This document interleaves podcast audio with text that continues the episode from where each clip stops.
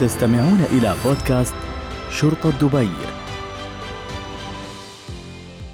مرحبا بكم متابعينا في بودكاست القيادة العامة لشرطة دبي.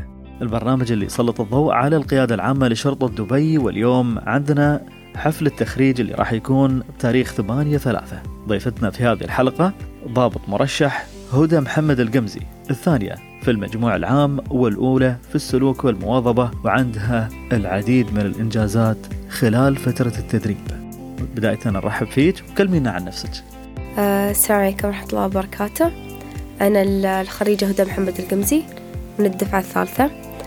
أول شيء آه، أنا خريجة من أكاديمية شرطة دبي. آه، درست تخصص بكالوريوس علوم أمنية وجنائية. وكانت على على أربع سنين. فأول ثلاث سنين درست مواد تخصص الكلية نفسها اللي هو لازم أنا أدرسها. والسنة الرابعة اللي هو كان عندي أول سنة اللي هو التركيز. وندرس مواد تطبيقية. وعقب من خلاله نتدرب ست شهور. ونطبق المواد التطبيقية بالأشياء العملية اللي تكون في الشغل نفسه. كلمينا هدى ليش اخترتي القيادة العامة لشرطة دبي؟ أول شيء اخترت القيادة العامة لشرطة دبي هو كان تحدي بالنسبة لي.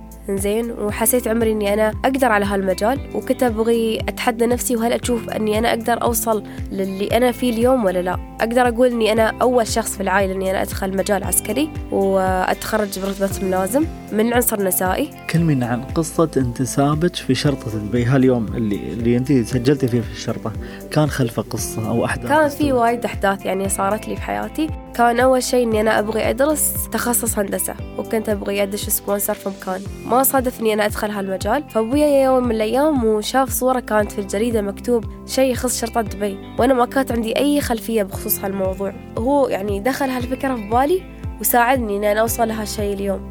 ووقف وياي في كل لحظة أنا مريت فيها.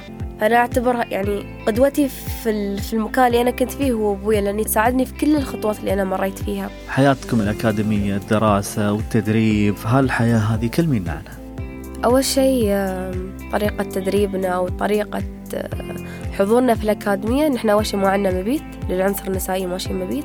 كل يوم يكون في جدول معين بالمواد اللي هي تكون موجودة وعلى حسب وتكون ما وفي شيء بعد إن دراستنا كل كورس يكون عبارة عن عشر أسابيع.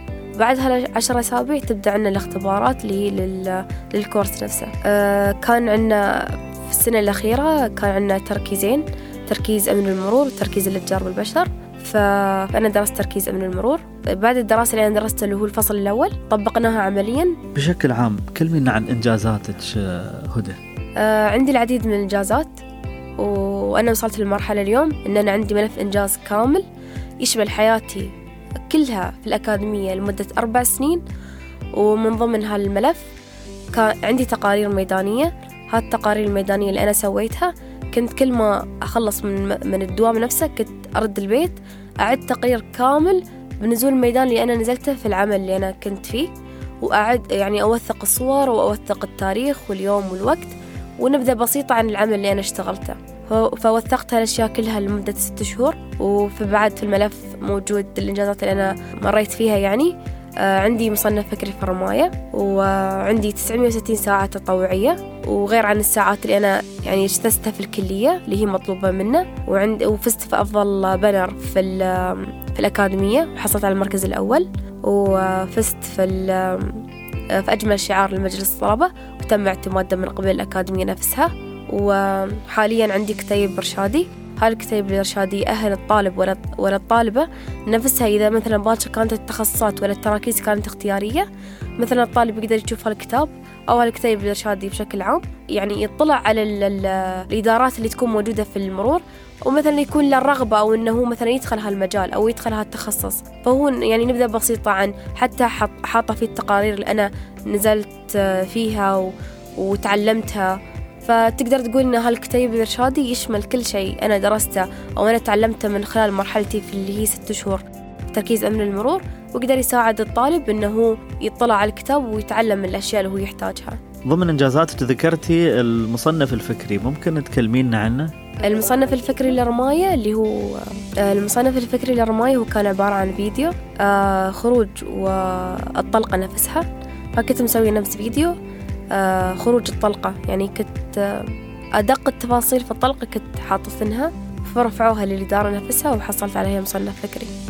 إنجازات كبيرة. نتمنى لك تكونين يعني في أعلى المناصب والمراتب. ننتقل إلى محور آخر الحين يعني فرحة التخرج هذه. كلمينا عنها. آه، أول شيء شعور أو فرحة لا توصف. تعرف يوم أنت تتعب في مكان أو تطلع كل طاقتك في هالمكان وأيامك تضيع في أشياء أنت تستفيد منها للمستقبل. يعني حياتي في الأكاديمية كانت أكثر عن حياتي اللي هي في البيت.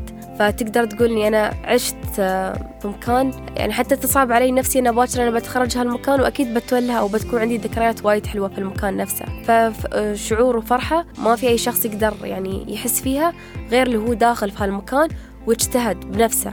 يعني وقف على ريلة وتعلم وثابر عشان يوصل لهالمرحلة اللي هو فيه. أخيرا رسالة أخيرة توجهينها للجمهور. أن الحياة العسكرية جميلة وأنا فخورة في نفسي أن وصلت هالمرحلة اليوم. إذا كانت هناك تحديات لازم الشخص بنفسه هو يتغلب عليها وكان انتساب لشرطة دبي تحدي بالنسبة لي. واليوم أنا أوقف في الميدان كخريجة برتبة ملازم والحمد لله تخرجت وحصلت على الثاني في المجموع العام. تقدير امتياز مع مرتبة الشرف وحصلت على الأول في السلوك والمواظبة. وها أكيد شيء فخر لي لنفسي وفخر لأهلي. والقيادة العامة لشرطة دبي أيضا فخورة فيك. نتمنى نشوفك في أعلى المناصب. آه إلى هنا وصلنا إلى نهاية حلقتنا. كان معكم محمد إبراهيم. وانتظرونا في الحلقات القادمة. والسلام عليكم ورحمة الله وبركاته. استمعتم إلى بودكاست شرطة دبي.